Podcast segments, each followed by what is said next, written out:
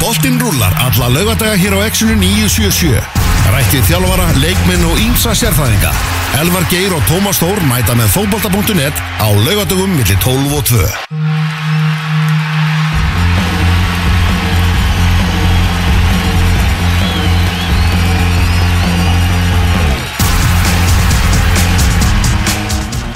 Komið þið sælum blessuð út af státturinn fókbóti.net lögutaginn 20. júni, Elvar Geir og Tómas Þór með ykkur til klukkan 2 í dag og við ætlum að eh, ræðum ennskapoltan, við ætlum að ræðum lengjudeldina og við ætlum að ræðum eh, Pepsi Max deldina í þessari röð fótboltaflóður svo sannarlega farið af stað því að ennski fór náttúrulega á flegi ferði í vikunni var hátisleikur í gangi núna Watford Leicester, það er staðan marka laus eh, þegar 30 mínútur eru leinar Tómas, hvernig erum við í dag?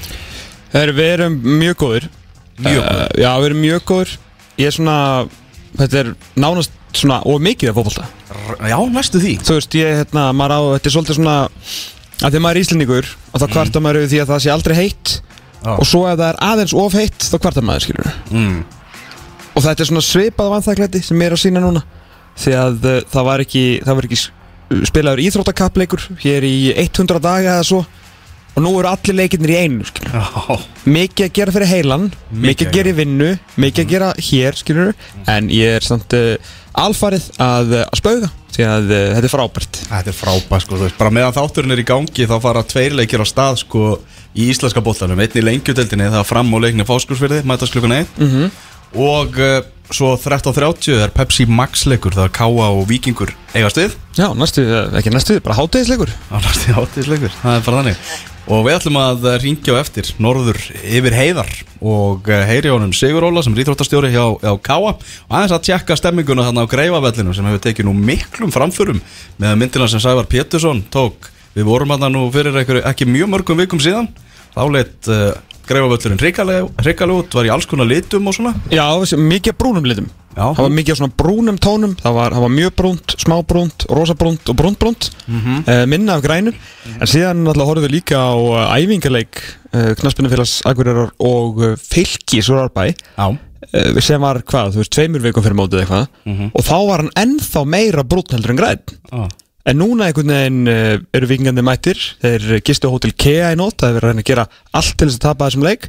Uh, þannig að hérna skal ég þér segja en núna er hann bara yðagræn þú veist, hann er glæsilegur. Með við þessa svona mynd sem var tekin úr ég sé í fjarlæð fjöllum bak við eitthvað Svo vitum við ekki hvaða fítus að Sævar Pétursson er með á símanum sínum sko. Nei, hann er kannski svolítið eins og Kitty Jó hérna, þú veist, þegar að hann var búin að spreyja alltaf lögðarsvöllin ára kikti heimsson Já, það var mjög sniðið sko.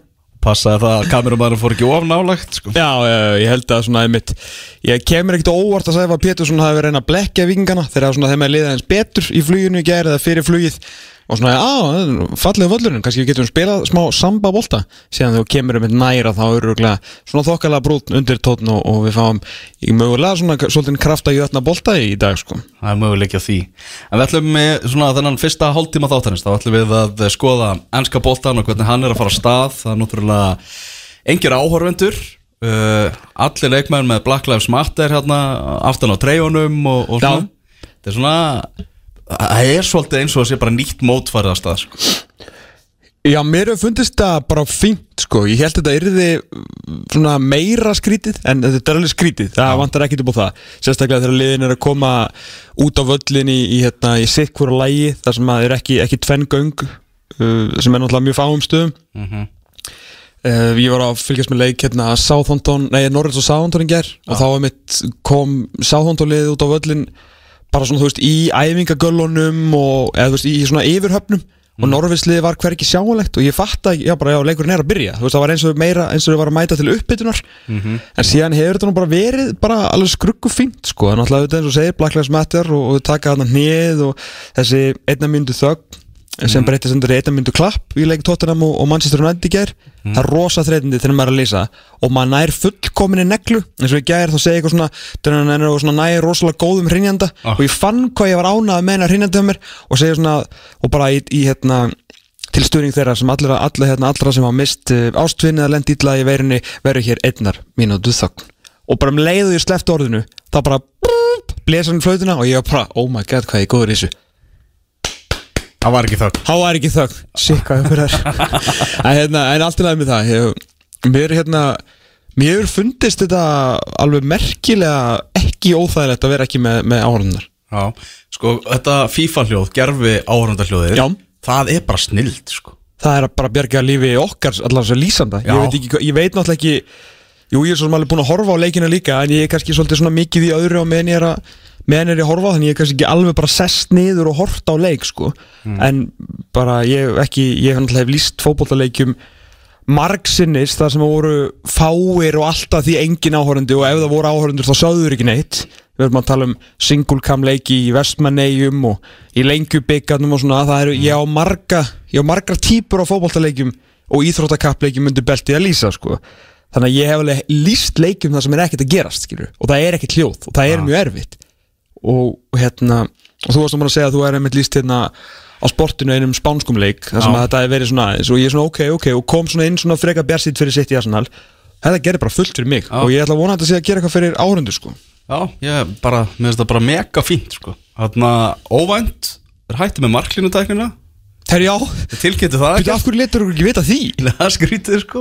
Vá, hvað þetta er samt pyrrandi að því að ég man, það er nú ekki mörg ár síðan að ég var hérna í debati við alls konar menn eins og þig og Magga þegar þið tóku hérna trillingina þið vildu ekki sjá markliðintakna þegar þið glemdi ykkur aðeins í Jurassic Park hérna fyrir mörgum árum sko.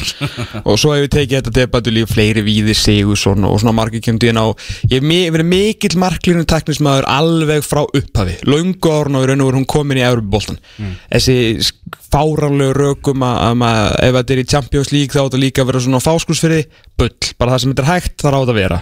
Þú veist, fótboltin er ekki eins allstaðar það er meira undirstundum. Og þetta hefur verið gjörsamlega fullkomið Já. frá upphafi. Já. á meðan að var hefur verið heldur betur umdeilt virkar sumstaðar ágætlega sumstaðar hryllilega, sumstaðar ömulega markliðumtæknin fullkomin 8999 fótboltamörk skoruð eða ekki skoruð skilur þú veist er bara svona búið- búið að virka. Og svo kom það. Endur koma ennska boltans langstærsta fótboltadeild í heimi einn af stærstu íþróttadeildum í heimi eitthvað mesta spektakal sem er að sjá í sjónvarpi. Og þó þetta ekki kannski verið stærstu liðin eða stærstu leikurinn þá var þetta þú veist markaði endur komu The Premier League. Og þá þá var það ekki varsjáin þá var það marklínu tæknin sem að klikkaði Veist, í og líka með svo miklum bravör sko. Já, í leik, sko, sem að hefði ekkert verið með neitt merkilegt áhorf nema fyrir það sækir allt í einu að þetta er endurkomuleikur enska boltan já, einmitt, einmitt, einmitt. Það er ástæða fyrir því allra augu beintust allt í naðunum og þá klikkar þetta. Og svo ógeðslega stórt að því að þú veist eins og bara Sheffield United sem er í alvörunni barátum um, um Champions League. Þú veist hvað verða þessi tvö stig þegar við ætlum að upp á bókanum í, í haust sko. Já, eða í lok sumars fyrir ekki? Já, hlutabrjöfin í Hawkeye hafa alveg rapað í, í síðustu dag en ég held uh, fullkominni tryggð við mína menn í Hawkeye. Já, þetta er bara á eftir að bæta það já, þeir Og þeir sendu afsökunar beðni, ég held að Valdir hafi nú bara tekið henni vel og svona Einmitt. Herru, djúvel lítur Chris Wilder vel út? Já, er að vel undan COVID. Herru, ég held að hann sé eða, hann er svona einn af þessum stjóru sem ég hefði haldið að myndi koma svo litið bústinn í andlitinu tilbaka. Ah. alls ekki Já, ég held að hann sé sko ekki kóju drikkjumæður Nei, hann er stemningskall. Já, hann fer á púpin sko. Já, og, hann er náttúrulega sko púpskápurinn hans Já. er á skrifstofunni og hann máttur náttúrulega ekkert mæti vinnuna. Nákvæmlega, og púparnir lokaðir? Og púpandi lokaði hann hann hefur bara verið í göngutúrum og hann lítur frábæl út. Já, heldur betur. En, en fótboltinn, Fótboltinn, uh, Tottenham Manchester United í ger herru hann var í gær við erum að sjá þetta svolítið oft núna á tímbilinu að í þessum Big Six leikjum þá er annað lið sem að spila eins og svona bottom six. Já, þá er eins og í gær, þú veist, við erum að horfa á Tottenham gegn Manchester United og Tottenham er undir 40% með boltan og bara virkilega sáttur með það. Fá úrslitin sem að þeir já svona, vantarlega vildu eða allavega nærði heldur en að tapa. Þeir máttu ekki tapa þessu leik til að missa ekki United 7 stugum frá sér en þú voru sérni aðstöðu til að vinna þetta við vitum náttúrulega alveg hvað gerist þegar Jose Mourinho vill vinna fótbollaleiki þegar hann telur sig ekki geta unnið hann úti á fótbollavöllunum sem er enda skrítið því að Tottenham lið var komið með alla kallana sína nema Lukas Mora tilbaka í gær og ég hef nú haldið að þeir getu ég er svona syngt aðeins meira skilur að þetta er í heldina rosalega gott fótbollaleik trillt að fá Sissoko hann aftur inn maður er náttúrulega algjör tankur, ég er mikill Sissoko maður með þessa, þetta frábæra framherja tríu hann Bergvæn að sína hversu svakalig sprengir í honum vandaði Deli Alli en allt í lagi með það uh, Dyer og Sanchez ógeðslega góður hérna í, í hjarta varnarnar Loris komin í, í, í toppstand en þú veist Þetta er nákvæmlega sama og stundismenn Manchester United voru þú veist að segja á sínum tíma og stundismenn Chelsea þegar Mourinho og hann komin í, í annarskiptið og bara það sem hann hefur verið veist, Real Madrid á sínum tíma þegar Real Madrid voru skindisónarlið alltaf mm -hmm. á einhverjum tímpunkti að þá bara bakkar Mourinho alveg aftur og sama hversu gott fókbóltalið með alveg eins og núna með Tottenham-lið að þá fer hann bara í einhvern svona skottgræfa hernað sko sem er svona rosalega ósjármerandi þegar þú ætti að stýra liðið eins og Tottenham að það er eitthvað lið sem að ég myndi tengja við skemmt menntun bara svona off the top of my head í sögu ennska bóltans þá er það Tottenham. Okay. þeir eru ekki, þú veist, þetta var og Tottenham leiki þar sem þeir eru bara einhvern veginn bara langt frá þetta miðju. Nei. Nei, þú veist, en, úslitin komu eins og alltaf þegar Mourinho allar að gera eitthvað, þú veist, ég er ekki, ekki að gera lítið úr því, en við líka séum þetta með United, að spila um til Liverpool eða City, þá eru þeir bara sömulegis uh, bakka alveg frekar langt aftur og þeir hérna beita skindisóknum og svona þetta er svona skrítinn þróun að, þessi stórleikir eru kannski svona stundum aðeins minna, þú veist, ping-pong og við erum að fá, þú veist, eða bilið er orðið stundum svolítið mikið á myndlið með þess að liðana í þessum svona stóru sexpakka sko. mm. áhugavert Já, ég sá ekki hérna leik, ég var á, á lengjunni Hvern, hvernig hérna, var þetta sangjant í áttaflega? Já, ég menna United var náttúrulega miklu meira með boltan en Tottenham varðist bara mjög vel. Hugo Lloris varði, hvað, tvísvar uh, nokkuð vel sem leiðis og, og hérna United náttúrulega gengur í heildinu ekkit vel uh, þegar þeir eru svona mikið með boltan og þurfa ekkert að koma sér í, koma sér í gegnum varnir. Uh, var náttúrulega allt annað eftir að Paul Pogba og Mason Greenwood kom inn á og svona eins meiri Það var mikill fótbóltileikin og gaman að sjá Pogba og Bruno Fernandes og maður hefur svona trú á því í framhaldinu með Pogba og, Bru, Pogba og Bruno hann frammi uh, fyrir aftanframmerina að þeir getið mitt farið meira og betur í gegnum svona varnamúra mm -hmm. Á línunni er Tryggvi Pál Tryggvason, okkar maður, fréttamaður og Manchester United sérfræðingur uh, Ertu ánað með stíðið í gerð, Tryggvi? Svona Ég, ég veit það ekki, nei. Þetta var ekki mjög aðeins spilamennskan mér var spilamennskan verðskulda þrjú steg þetta var ansi erfið færing þetta blessaða mark þannig að kannski svona heilt yfir getur maður alveg lifa með stíi uh, hérna svolítið skrítið með að við til dæmis síðastuleika á, á hérna gegn tóttunum útvöldið þegar hérna tóttunum sótti, sótti, sótti og við fengum eitt færði og fengum þrjú steg þannig að svolítið skrítið að þetta var spilað svolítið öðru sig og fengum bara eitt steg út af þessu maður sem ég segi, liðið með því. Þetta, ég finnst að verðskulda þrjumstegi alltaf framist aðan mm -hmm. Þannig að Rói Kín þurfum við ekki að fara aðeins í, í hans umhali hann noturlega talar alltaf í fyrirsögnum, fyrirsögnum. Hann vekur aðtikli og hann var rosalur ekki hér ef að heyra smá brotið Já, taka svona mínútu, tryggvið, þú hinkrar. Flabbergasted There's got to be there's got to be some stuff going on at that half time. If I was Ollie, make some changes, get some lads off the pitch, lads going through the motions a little bit. Not that United have been bad, but you've got to. I've said flex your muscles. You've got to impose your personality in the game. Spurs have done okay. They've been compact and mm. listen, they've been okay. But Man United, Maguire, and De Gea. I wouldn't even let them on the bus after the match. I oh. get a taxi back to Manchester. These are established international players, and we're all sitting here, and I know we have to analyse the game. Analyse it till the cows come home. You do your job. We're trying to get in the top four. Not win leagues, by the way. We're just not about getting the top four. God forbid about winning trophies. Shocking. I am. I am disgusted with it. Maguire, De Gea, you should hang your heads in shame. Representing Man United and letting people run past you. Get close to people, move your feet to give away that goal. Það held ég að það er Rói Kína að fara, já, vægast um orðum um, uh, já, Harry Maguire þegar Stephen Bergwijn síndi að sína Já, sína snilli að sprengja hérna fram hjá hann í, í markinu uh, þar sem að Harma Gæri reyndar reyðist eins og, eins og gömul rúta og síðan þetta skot sem að David Igea átt að verja uh, tekur undir með, með þínum gamla fyrirlega tryggvi eða er þetta aðeins svo mikið? Já, ég held að það er svona alveg óhætt að hleypa þeim upp í rútun og leiðin tilbaka sko. Já, þetta, þetta er kannski svona uh, svolítið djúkt ekki í árina. Hérna, hann, uh, þetta selur náttúrulega og það er kannski hans hlutverk sem álitskefi á, á hérna, sjónastöðinni að gefa það. Ég kannski, við kannski gefum mönnum örlítið slaka ja, fyrsta leik eftir hvað 100, 100 daga. Enga síður vanlega samt frekar slaft makt þess að fá á sig og hérna maður var líka veist, áður en þessi pása kom þannig að það var liðið búið að halda hrein í hvað 5-6 leikjum. Þannig að örnið var svona komin í gott stand. Þannig að mikið vonbrið að sjá Eh, sérstaklega kannski varnuleikin hjá hjá honum Maguire og náttúrulega markværslan eða ekki markværslan hjá DG var náttúrulega alls ekki nóg góð og hann svona er maður er farin að vera fyrir svona miklu vombriðum á honum sko, hann er veginn e, þó hann hafi átt ágættu markasleis stundu setna þá hérna, er hann svona, hann er búin að gera ansi mörg mistök sem sá að skapa mörg og hérna maður er svona farin að ágjur af hann en hérna, ég- ég- þú veist, ef ekki bara aðeins að slappa fyrstu leikur eftir 100 daga, ég getum anda aðeins með nefinu og vandi Rói Kín, hvað er langt síðan hann var í starfi, eitt ár, ég held að sé alveg ástæð fyrir að menn er ekkert æstir í að ráða hann. Og það síndi sig kannski þarna, hann er svolítið svona blæs svolítið heitu.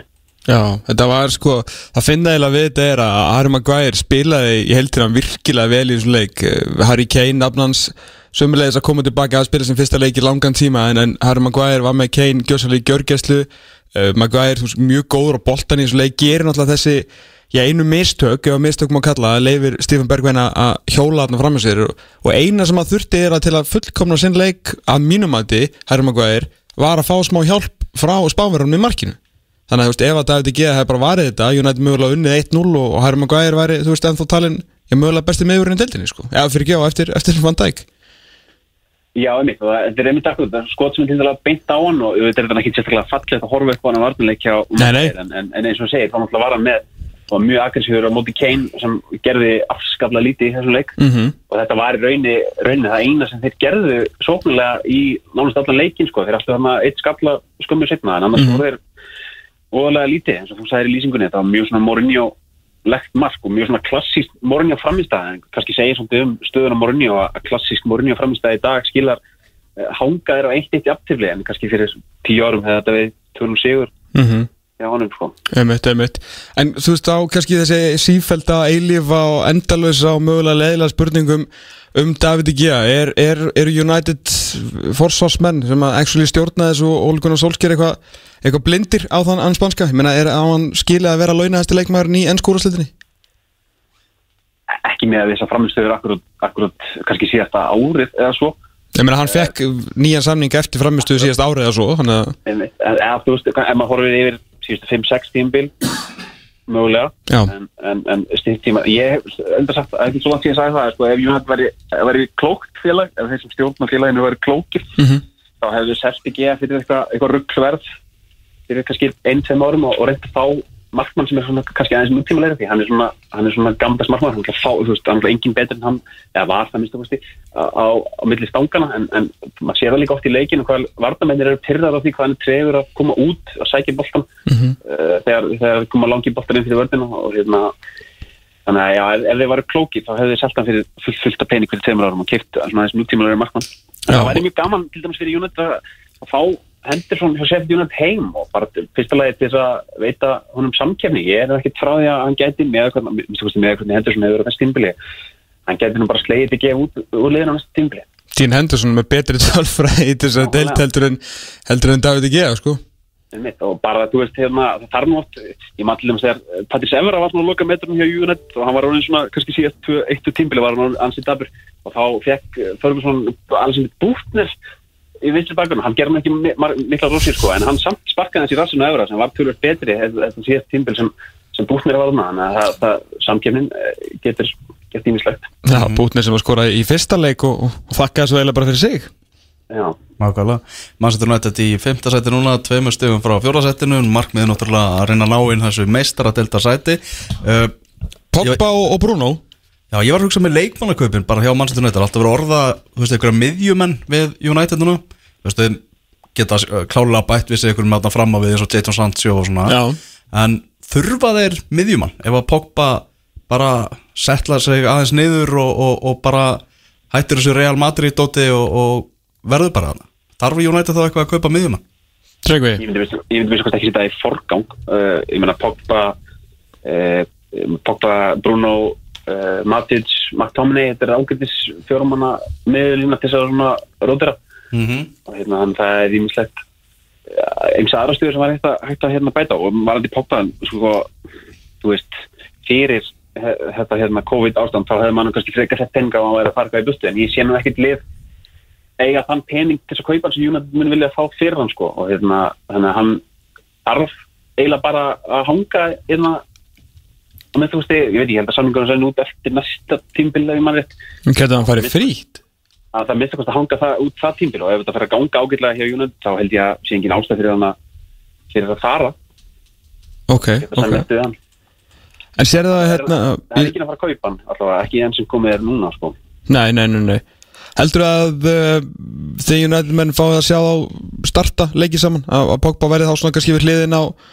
Já, einum af þessum þremur sexum sem hann er með í liðinu og, og þá svona kannski já, bara vera með á samanræðina hann og, og Bruno Fernandes. Já, 100% ég menna það er kannski spurning hversu gáld er að gera það í svona leikin sem að sé fram að verði svolítið stremmir eins og til dæmis í, í dag þar sem kannski þú veist þetta er leikmenn sem vilja kannski freka vera framann þó að Pogba geta alveg verið hérna, hann er alltaf mest sýnt af til fraklindi hann getur alveg verið aðgæður en þarf þið sko. Mhm. en ég finna leikjaplani hjá United er þannig að við erum að þú veist það er Norwich, Brighton, Bournemouth Aston Villa, Palace, Vestan þetta eru lið sem á eftir fyrir að brjóta niður. Mm uh, og, svona, og það verður öll strempið þannig að það var frábært að hafa þessi tvo leikmenn inn á. Það sem við vant að hefur United undarfærin á hefur alltaf verið sköpnakraftur á miðinni og það hefur þá verið að ábyrg Pogba kannski undarfærin eða frá því að hann kom tilbaka. -hmm. þannig að þegar hann hefur ekki verið ánit þá hefur voðalega lítið verið að frétta sköpunulega sér frá miðinni en núna eru komið Bruno sem hefur heldur betur til sín taka Já, og minna sá bara hvernig Pogba kom inn í þetta gerð fyrstulega skapar hann markið og svo þessi yndislega sending hans sama á Rashford uss. sko, Rashford með smá meiri leika einhver hefði, hefði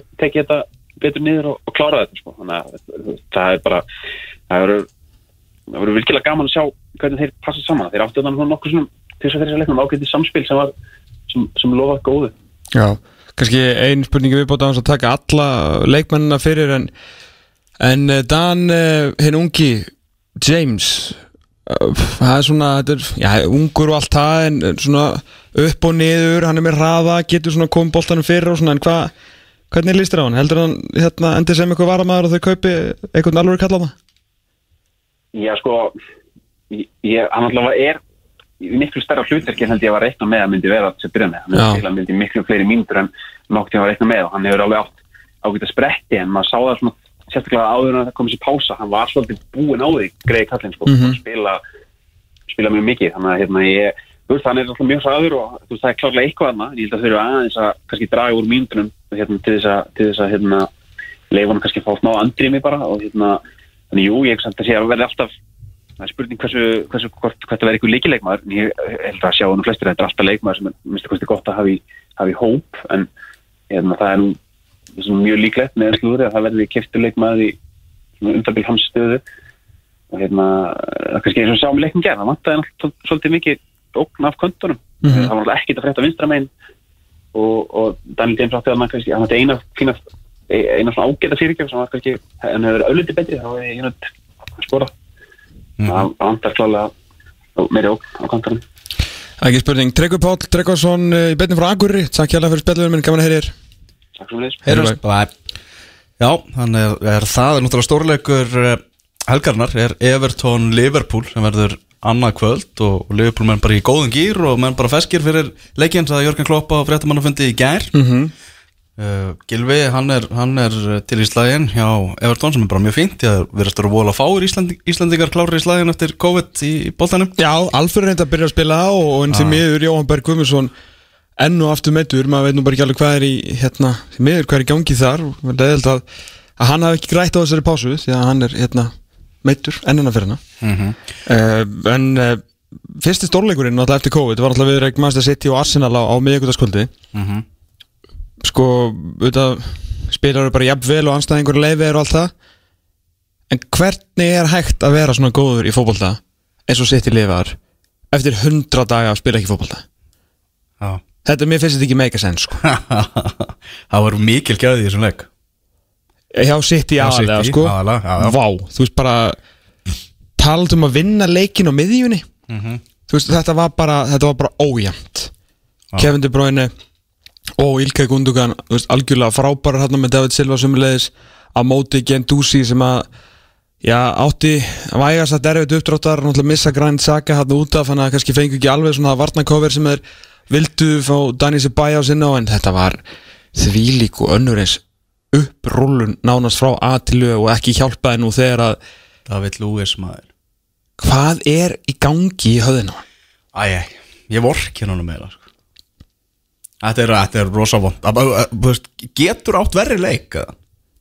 Já, hann alltaf tók virkan þátt í 7-1 tapi Brasilíu á heimavelli undanúrslutum HM Já, og þegar ég segi virkan þátt þá meina ég mjög virkan þátt. Já.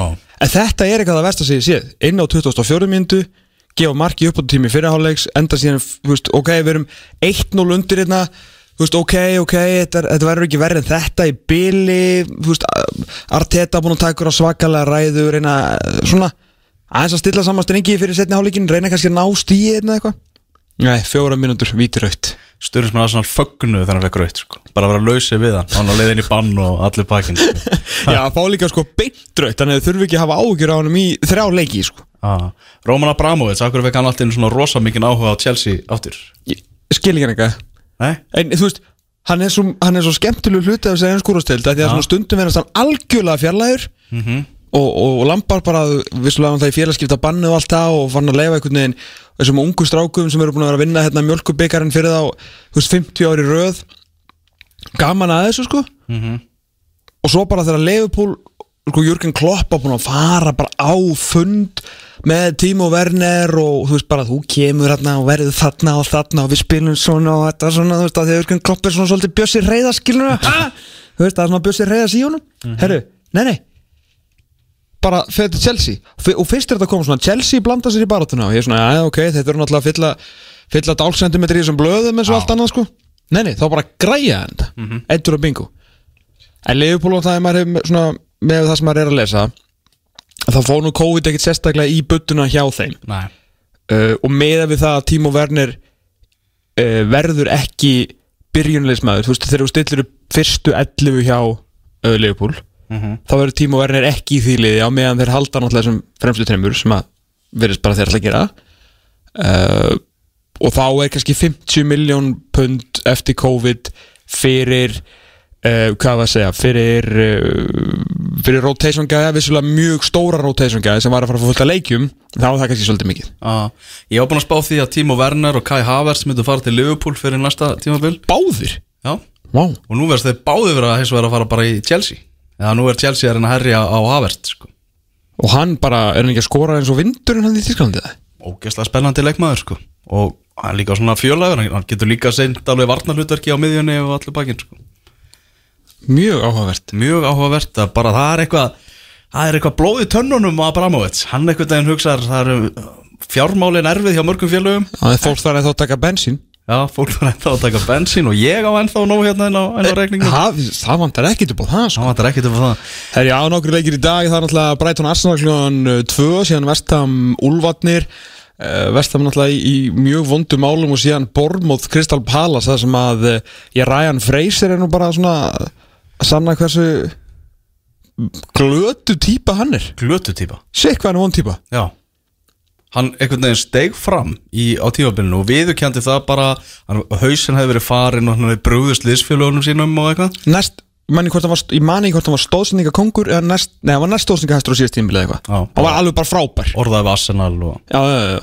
Það gekk síðan ekki upp og eins og segir, kom fram og bara heyrðu, þetta var erfitt, það var svona ruggli haustum á mér en nú bara, nú tökum við þetta strákvöndin í Bormað Ah. Hann rennur út á samningi lók mánaðar og spilar ekki fleiri leiki. Bara kveður Bormað Já, hvert heldur hann fari? Ég held að hann gæti farið alveg í eitthvað stórtlið bara út af ástandinu. Frýr, Já, þú meinar, frýr kall. Þrýr fótballtakall Frýr fótboltakall sem gæti Ah. komið upp í Að því ég var svolítið að vona að myndi endi í Championship. Já, ég veist hann á ekkert skilið að fara í stórt félag. Þetta er rosa og þetta er líka bara vond fyrir uh, mína menn í Bormað sko. Já, Þú veist, Við viljum halda liði í vikingsbúninum hann uppi sko. Það er, það er mjög mikilvægt fyrir dildina já Gaman að því að enski boltin sem farin að rúla af stað. Við ætlum að fara í smá auglýsingabakka Örstuttan uh, Þar strax á eftir þá er það lengjudeildin. Þú ert að hlusta á fótbolti.net á exinu 977 Vendum okkur yfir í fyrstu deild Karla lengju deildina en hún fór á stað í gær með þremur leikjum. Baldvin Már, uh, sérfæðingur um deildina er á línunni, hvernig ertu Baldvin? Ég er ljómandi góður, heyrstu mér? Það heyrist vel í þér maður. Rábært að heyra. Heyrðu þósaratir, þeir byrja á því að vinna grindvikingana uh, Já, Grindavík fekk náttúrulega skella þetta mútið IPVF, byggarinn bara úr sögunni hjá þeim.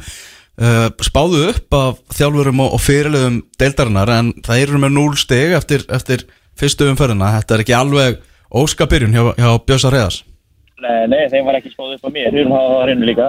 Já, hvað þú hendi keflaði upp eða ekki? Keflaði upp og þeir hendi statement í gæður og strauðu bara mína menn þægilega fyrir að leik sérstaklega. En uh, vandi greintið ekki hérna þá og þeir eru að mæta Þór og, og ég var sjálfur búinn að tala um það að Þór væri alveg sníkist að fara upp og ég hef spáðið sjötta seti eins og framleiknir og, og grindaði upp keflaði og hörku leikur vinnir bara í restina. Alvaro Monteo Já, já, hún skildist á mínu mönnum þannig fyrir norðan að svo hafi verið heitið sterkari sko og þetta hafi verið kannski sangett sigur frekar en annað. Já, heldur betur upplötu þeim að byrja bara með þrejum punktum og, og enn og aftur Alvaro Monteo, gulsíkildi Já, já, og, og, og svo samanskapið eins og ég besti á fyrir tímabilið að þá er Grindavík ekki með breiðan hóp. Og það, það kemur í ljósum en þú sér bekkin hjá þeim að, að ég myndi ekki segja sér margir sem gera tilkall á bekknum minn í byrjunlega hjá Grindavík Nei Það er alveg rétt, það er bara þeir mega ekki við, við miklum skakkafullum sko. Spurning hvort að þið, þið gera eitthvað, glukkin opinn en þá í tíu daga í viðbútt Já, en svo á, á sama stefni þá náttúrulega setja Þórsvöldin Svein Elias og, og, Jónas Björgvin inn á bekknum og, og það breytti við leiknum að með skil og setti auka kraft geta hálftíman Þórsvöldin þannig að þetta er eitthvað sem að skiptir sköpum í toppartu sérstaklega. Mm -hmm. uh, Keflavík, það var heldur betur flugveldarsýning í fyrsta leikja þeim. 5-1 á móti Magga og okkar manni í eldingunni. Uh, er, Kemur óvart svona hversu stór og sannfarandi þessi sigur Keflavíkinga var? Já, ég myndi alveg gera það. Ég myndi alveg segja, segja það minna að hérna, þó svo ég hefði spáð þeim upp og, og, og ég er búin að sjá og þeir líta vel út að, að þá bjóst ég ekki við því að afturhelding myndi skýt, skýt líka svona fyrir þeim. Mm -hmm.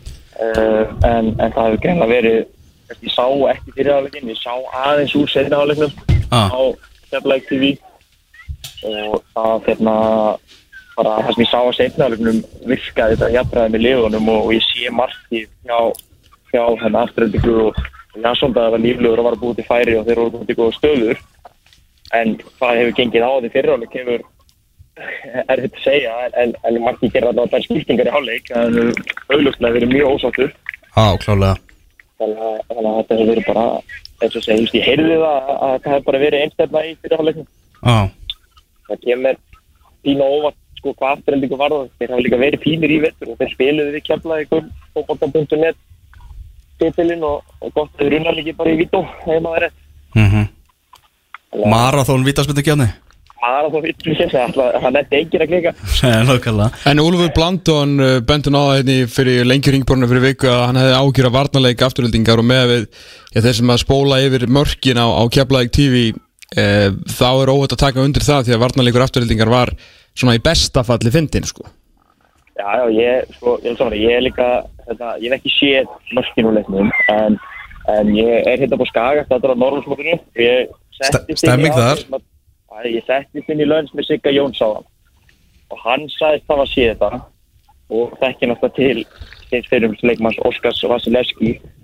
Og hann sagði að hann hefði verið bullandi vandræð sérstaklega einu markina sem hann er eitt bara í hérta varnarinnar fyrir fram að marki eftir aukaspinnu með tvo leikminni kringu svo Óskar er 1.78 á hæði eða eitthvað svolítið sko. hann sagðist að áhyggjur af þessu og, og nefndi þetta við mig sko. það, það, það hljómar ekki vel. Hann lítur ekki vel út að ef, að- ef að þeir eru með einn mann sem er ekki ekki svo stærkið á veldinum í því að að valda eitthvað svæði fyrir frá marki þá áttu bara ég vandræðum að þetta fara að fá þeim mörg Mhm. Og hann er svo búið að hlaða svolítið pressu á keflinginga og maður vissi ekki alveg svona hvernig þeir myndu koma til leiks þegar, þegar síningi myndi hefjast en þetta er ákveð, ákveðin svona yfirlýsing hjá þeim og minn maður Nacho Herra sem að náttúrulega þrennu í byggarnu um daginn, varnamaður op, opna markareikningi sinni í deildinni fyrir það á 17. mínúti sko. Þetta er, þetta er hérna, þetta er alveg kemning og ég var ekkert að grínast með það þegar ég var að spáðum upp hérna og, og, og hérna, þetta er bara að koma til mót sterkir og, og sína það bara þeir ætla sér upp. Það er bara í rauninni eins og það er bara nummer 1 og 3 greinlega, mm -hmm. hendi statement. Algjörlega, við ætlum að ræða á, á eftir. Ég og Tómas um eitt af mörkunum sem að, að kepla ekki skoraði þessu Ég- leik Ég veit nákvæmlega hvað þið er að fara að ræða þar. Ég Já, já, ekki, ekki spóila Þarna spoila. þróttur leiknir, hann endaði 1-3 í lögadalum Ég var nú á þeim leik og mínum menn bara með miklu með, með bara mikla yfirbyrði Það var bara, já, mikill munur á þessum tveimur lögum í leiknum. Æ, ég get ekki sagt að það komur óvart en það, það er líka eins og segir, ég kom að sjá bæði til að spila og, og leiknismennar er alveg bara tölvöld mikið og þeir líta bara heikala vel út. Og, og þeir eru bara vel brillaðir og kraftmiklir og góða leikmenn og þeir vita nákvæmlega hvað að gera. Ég held að þeir þeir eru eftir að vera sterkir í sumar. Þeir náttúrulega bara byrja hérna á því að fara í lögadal og sækja þess að það punta, kom sér bara 360 og það geta það bara, þú veist, þessu sér taka Erni Bjarnar og Sævar alltaf með minnir út af bara eftir 60-70 myndur og, og þeir eru bara góðum málum. Þeir þurfum ekkert að setja meira búður í þetta. Nei, mörkin verðast geta komið bara úr öllum áttum. Vúk, Danni Finns og Máni Östmann með mörkin í gær. Sólón og Sævar komur, sér ekki á blað og við vitum allir að, að þeir geta svo sannlega að skora mörk. Já, ég meina að frábært fyrir leiknismennu að þeir eiga Sólón og, Sævar inn í markaskórun Danni Finns er heldur betur búin að koma sér stefna sér inn í þetta lið og, skora mörk. Og skora þetta trenna mútið kára. Já, hann bara er búin að vera yfir bara prísísónið og allt bara alveg geggjaður, náttúrulega fóturinn á gæðunum með frábær, eins og síndi þessu marki í gerð sko, sem hann skoraði. Frá, frábær vinstlefótur Já, Þannig að ég, ég er alveg saman því. Og, og, og, og Máni hefur líka komið frekar sprækur að hann er búin að vera að spila bæði út í vinstri, út í hægri uh, bara sama, þú veist, hann, verið punktgerð alltaf, bara gott flæði í leiknum og leiknumsmönnum og ég líta bara mjög og ég er mjög, mjög hrifin af því sem að Sigur Flynur er að gera hann í uh, dreifatinu. já, Mánir þetta var valin hérna eitthvað líkluð til vombriða eða eitthvað í doktornum en hann er að fara feikilega vel á staði í, í, í breiðaltinu uh, Þróttaranir uh, þeir náttúrulega sko Díon bara, hann var ekki hóp bara, held að hann hafi náðu ykkur einn æfingu eða eitthvað, hann- ef, ef hann náðu því og þessi nýji hérna uh, Spánveri, hann kom bara á bekknum og svona þannig að hann var, veit ekki hvort að Gunnar Guðmunds vilja eitthvað bara býða með það að sína nýju kallana eða, eða eitthvað En hvernig voru þeir að spila, þróttararnir? Hvernig, Voru þeir að spila? bara ítla? Nei, þú veist, voru þeir að spila Gunnar Guðfóbolta eða var þetta Já, þeir lág alveg tilbaka og bara leikni stýrði leiknum bara allan tíman sko. Ok bara svona eins og, þessi leiku var bara nákvæmlega eins og maður bjóst við sko. Mér finnst það mér finnst það mjög skrítið ef hann er að spara þessa gauðra sem eiga að vera mántastoppar í liðinu þegar deildinni fyrir. Ég er saman á því, ég er bara bjóst við því bara, bara liðið hefur ekki efn á því að vera þrátt fyrir að Díón hafi náð eitthvað svona fáum æfingum eða hvað það er sko, að, að vera að geima þessa kalla sko. Ég menn, þú ert að sækja leikmann sem er að fara að koma að vera besti leikmann í liðinu, hendur við liðinu, þú veist, alveg hvað það hefur, hann er búin að vera það áður, þetta er ekki eitthvað nýtt fyrir. Já, Þetta er ekki, ekki, ekki gauð sem er að spila fyrsta leiki sem Ísland og engin veit með þum. algjörlega Þetta er sem gauður með djúbulun og sama með að sendirinn á spænska, menna, hann var rílið talað um hann að það er að koma og menn voru spenntið fyrir honum og hann átti að vera rosa góður og jú, ég, hann spilaði korter, ég sá ekki þetta korter en hann skoraði, það gefur alveg góð fyrirheit. Já, já, algjörlega Þannig voru þessi fyrstu þrýr leikir Hvernig er stemmingin hans á Norðurálsmótinu? Er Hún er alltaf ekki? Jú, jú, jú, jú. Gaup er búin að taka viðtal við þig eða? Nei, en Gaup er á vappinu hérna, ég er rugglaðan síðan mann. Já, það er um að gera rugglaðans í honum sko. Hann rugglaður á móti Heyrðu- Hann rugglaðan á móti. Þið, Valdi, gaman að heyri þér Eh, Takk svo leiðis. Bye bye Já, þetta voru leikiti þrýr sem að fóru fram í, í lengjadöldin í gær Það voru verið að segja þrýr leikir í dag Núna klukkan eitt er fram leiknir fáskúsfyrði í Sambamýri eins og framar eru farin að kalla Sambamýrina Er þetta gott? Mjög verður þá standundu nafni Já, já Íbjöfaf Magni eigandinn fær eh, fær harðfiskongin í heimsók Það er hinn eigandan í heimsók. Það er eigandaslagurinn. Eigandaslagurinn maður. Og svo er það Víkingur Ólafsvík á móti Vestra. Það er áhugaverður leikur, virkilega, virkilega. Já, Bjarni Jó mættur hérna, hérna vestur. Þetta er Þetta eru leikindir sem eru í lengjadöldin í dag. Við ætlum Þetta mark sem að Keflavík skoraði. Fymta markið. Fymta mark Keflavík og segðu okkur Segðu mér og hlustendur frá þessu marki Markið gott, uh, langsending uh, út til hæri sem fyrirgjöfin á tegin þar sem að uh, Helgi Þór Jónsson nokkur sem að hérna tekur svona við boltanum og byrja, við spólum aðeins og langt inn í tíman að þá fór Magnús Már Einarsson í viðtal á fótbolti.net miðil sem hann þekkir ágætlega og fór að kvarta yfir þessu marki að vera rángstiða þetta var jú fymta fótboltamarkið sem að kefla eitthvað skora í þessum leik þannig að kannski ekki alveg kannski svona veist, fyrir utan að þetta var ekki rángstiða uh, Helgi Þór uh, Jónsson uh, nær boltanum hann í baratunni við uh, svona er á undan Ísak Alla Kristjánssoni í, í boltan sem kom frá fjölni. Nei, var hann farin eitthvað frá fjölni? Það er profilin Var hann ekki frá fjölni, jú Leggur hann fyrir fætur Sindra Þórs Guðmundssonar sem að Jóhann B. Guðmundsson uh, keflaði ykkur góðsögn og fyrir hann til leikmaða Votvort sem er upp í beinni núna á Siminsport uh, bendi mér á tveitir á hann hefði verið langbesti með leiksins og hann var nú ekki neitt sérstaklega hrifin að penna fótboltum að hann var hvorki í fyrsta nýja öðru seti sko. en Sindri átti flottan leik og skoraði mér þess að uh, fallet mark í þessum leik sem veldi þriða markið hann fær boltan svona í tæklingu og ætlar að tækla boltan en Sindri fer fram hjá honum með marselskri rúllettu sem heitir öðrunafni sítansnúninum þannig að hann setur Ísak Alla á afturendan með sítansnúningnum og er að fara að pota boltanum eili í tómt netið því að uh, Jón Tena í marki afturheldingar var líka einhvern veginn í bullinu. En þá gerist Helgi Þór Jónsson svo djarfur eftir að Sindri Þór tekur sítansnúningin setur miðvörðin á raskatið og stelur á honum markinu í beinnámsinningu Vá. Fyrir framann alþjóð. Fyrir framann alþjóð, þetta var í betna á Keflæk TV uh, og fínustu gæði og, og hérna bara meira svona. Allavega, svo fara þær að fagna og sko Sindri heldur eða í smásund að hann hafi skorað, en síðan er það samt helgi og þeir fara að fagna helga. Og ef þið farið á Keflæk TV og fylgist með fagninni í þessu að þá svona, þú veist, þá eru þeir rosa sáttir. Svo koma svona tveir gæjar til Sindra og eru svona þetta, þetta var flott hjá þér. Og hann svona bendir á helga og þú eru auðvitað að segja bara, þú veist, hann stalis Þú veist, hvað er að, þú veist, og hann var svona hann var nú ekkert alltaf sáttur, sko. En, mér að 5-1 og keflaði ykkur nætur og þú veist, geggjaði sigur og geggjuð tilþrif, sko. En hvernig að útkljá svona mál?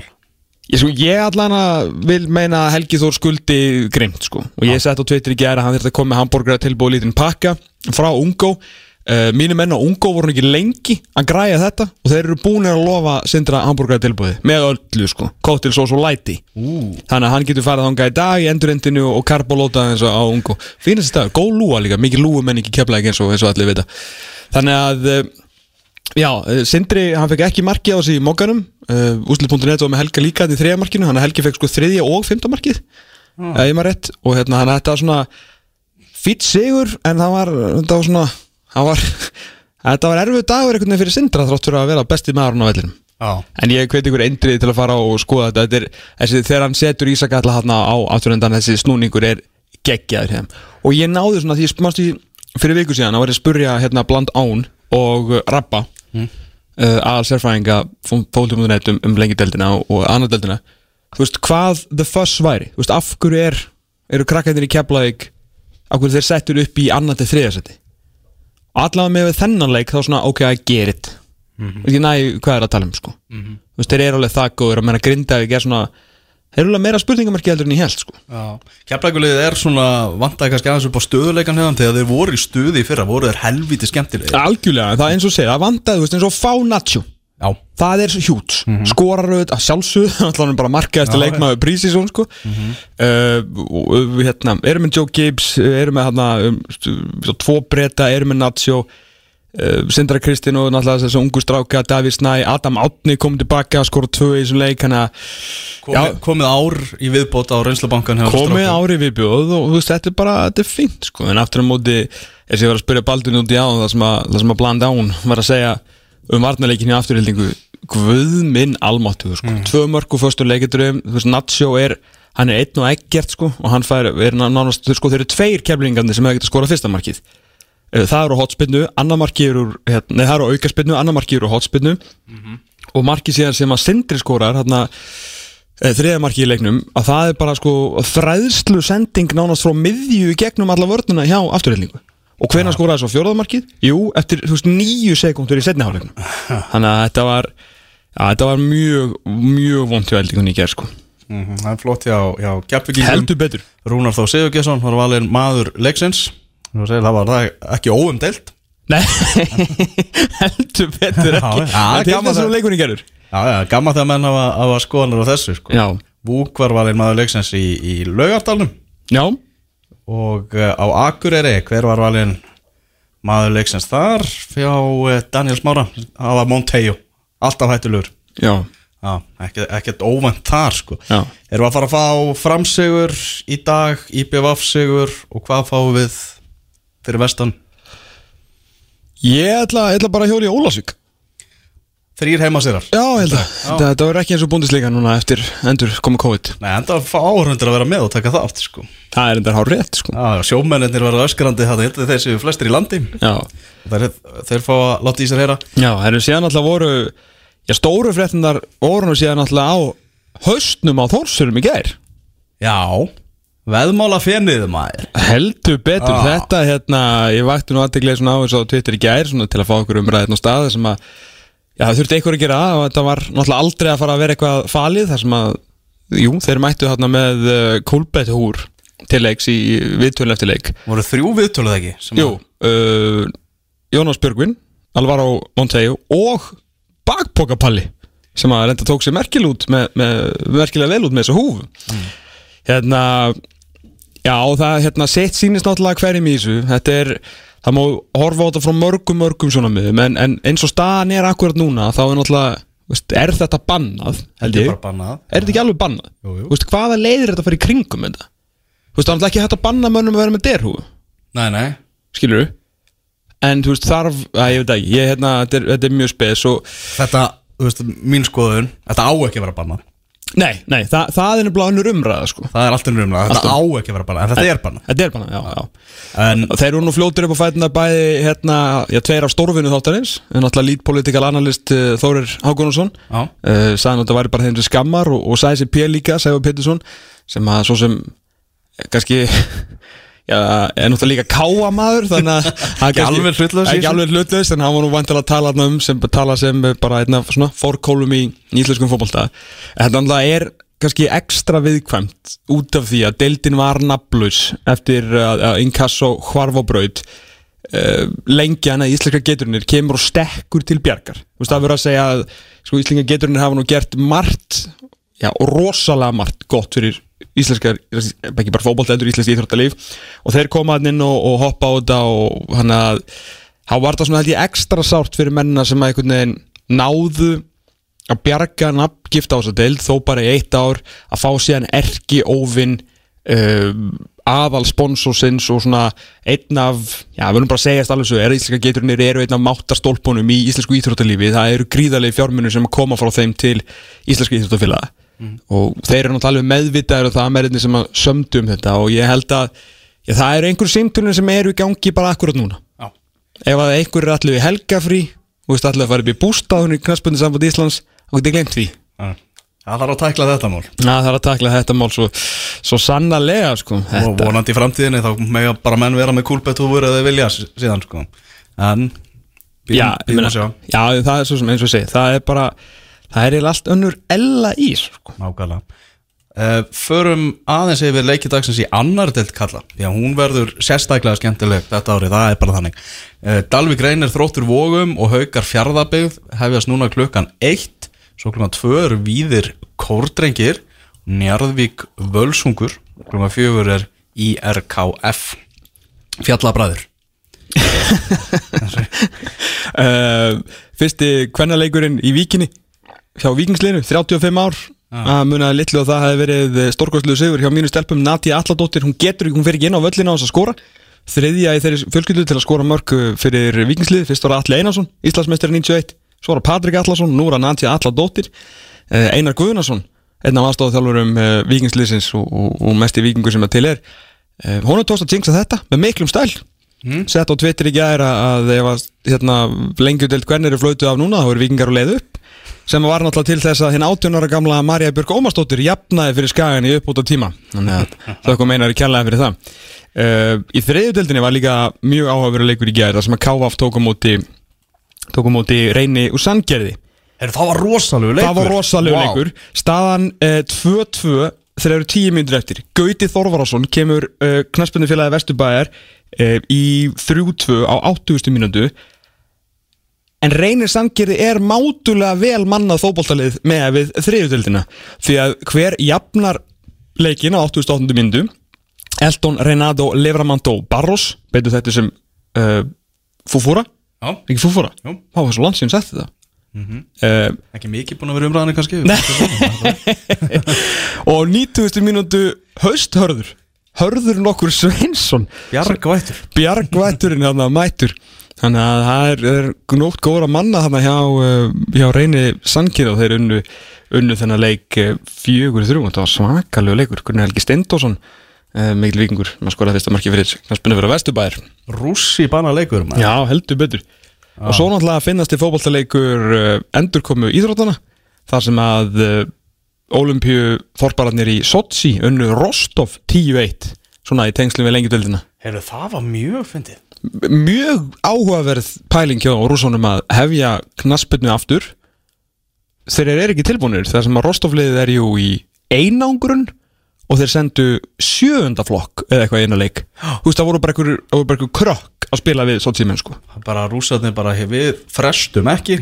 Það áttur allir leikmannahópunum sér í einangrun Þá fer leikurinn fram. Þessi algjör Þetta er skrítið. Heldur betur Þú ert að hlusta á fótbolti.net á exinu 977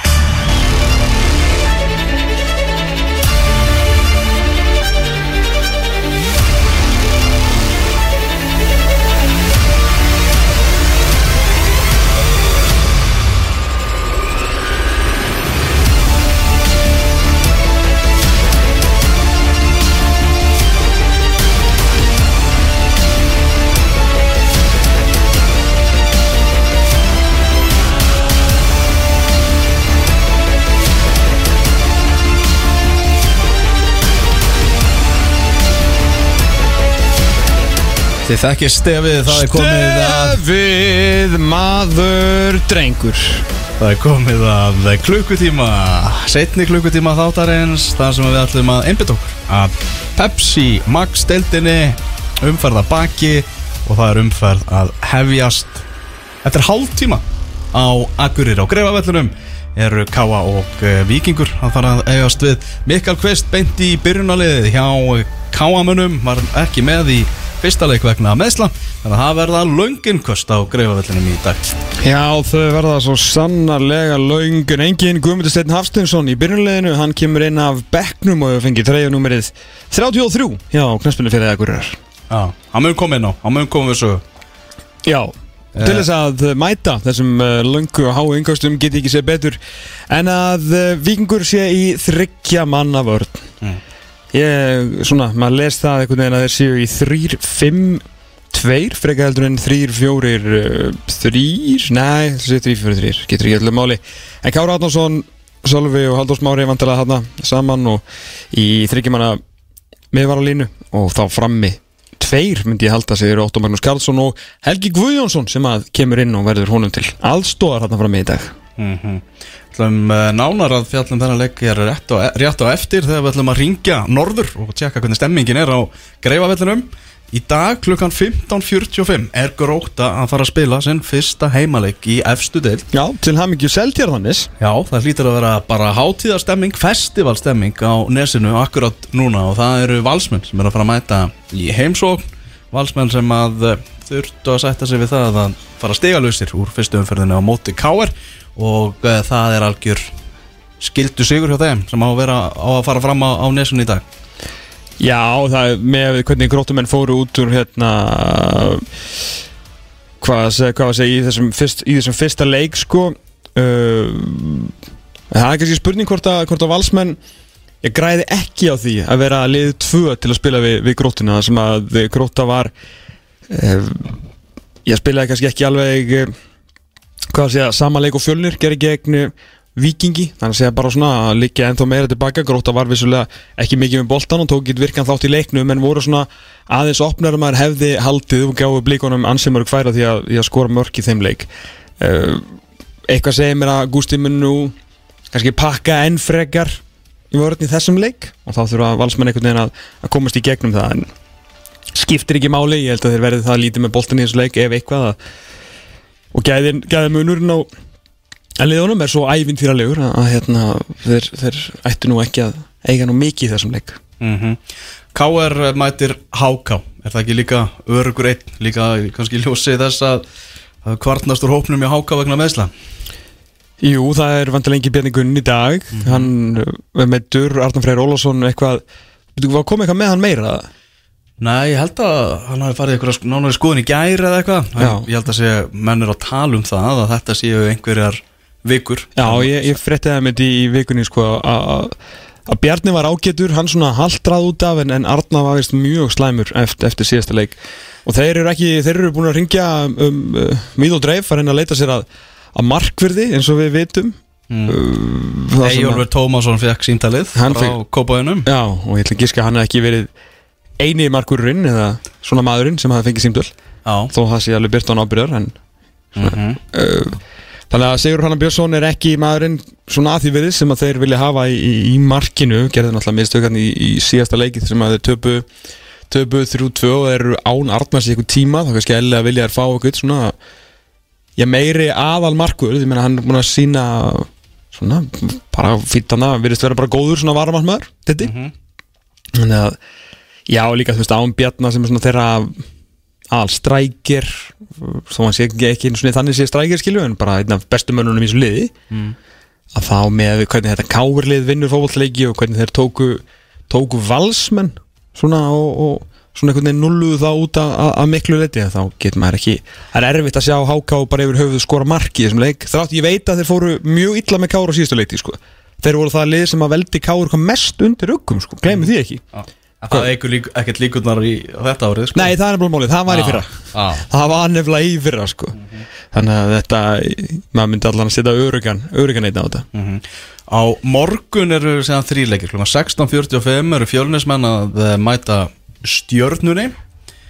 Uh, Fjölunismenn uh, búin að bæta við segjum fótballtækalli í, viðbót. Örvar Eggertsson er mættur Já, já, Það var ekki pláss fyrir hann í, í fósvæðinum og hann er komin í grávæðin nei Er hann að fara í byrjunliði í fjölniði? Er hann að fara af einu bekk á annan?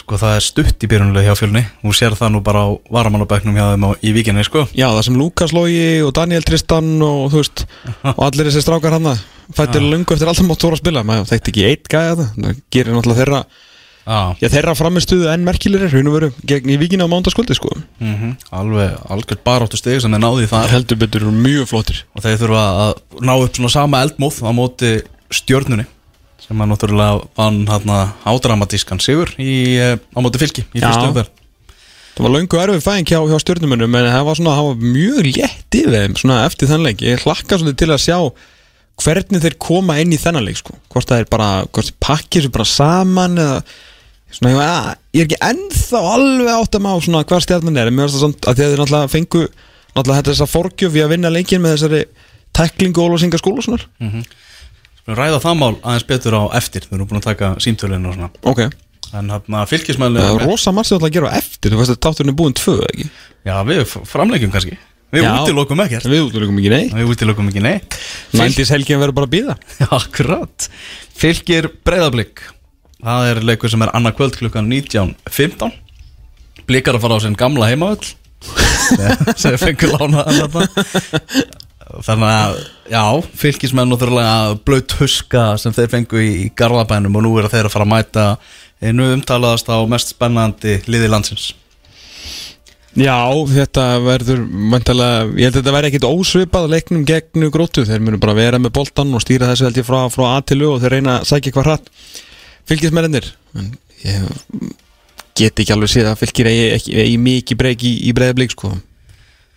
Nei, þetta, þú veist Þetta gæ- gæti verið svona Það er ekki mikið á svona leikjum sem að maður er að sjá eitthvað óvænt úslit þetta enn í? Nei, kannski fyrir eftir hvernig þú tólkaði með óvænt úslit fyrir norðan sko, en, en hérna Það er líka erfitt að giska á óvænt úslit fyrirfram sko. Það verða að vera óvænt. Sko. Já, þú meinar að það sé svona hluti af þessu sko. Já, það þarf svolítið að koma vart Sko þeir náttúrulega byrjuðu á grótu uh, fóru sen í fylki og síðan fulli það er mjög þægilegt start hjá blikunum, það verður að segjast alveg eins og er. Uh, eftir fjölni þá verður síðan káa úti. Áður en er fara síðan í þryggjaleiki rispu. FH, KR, Valur.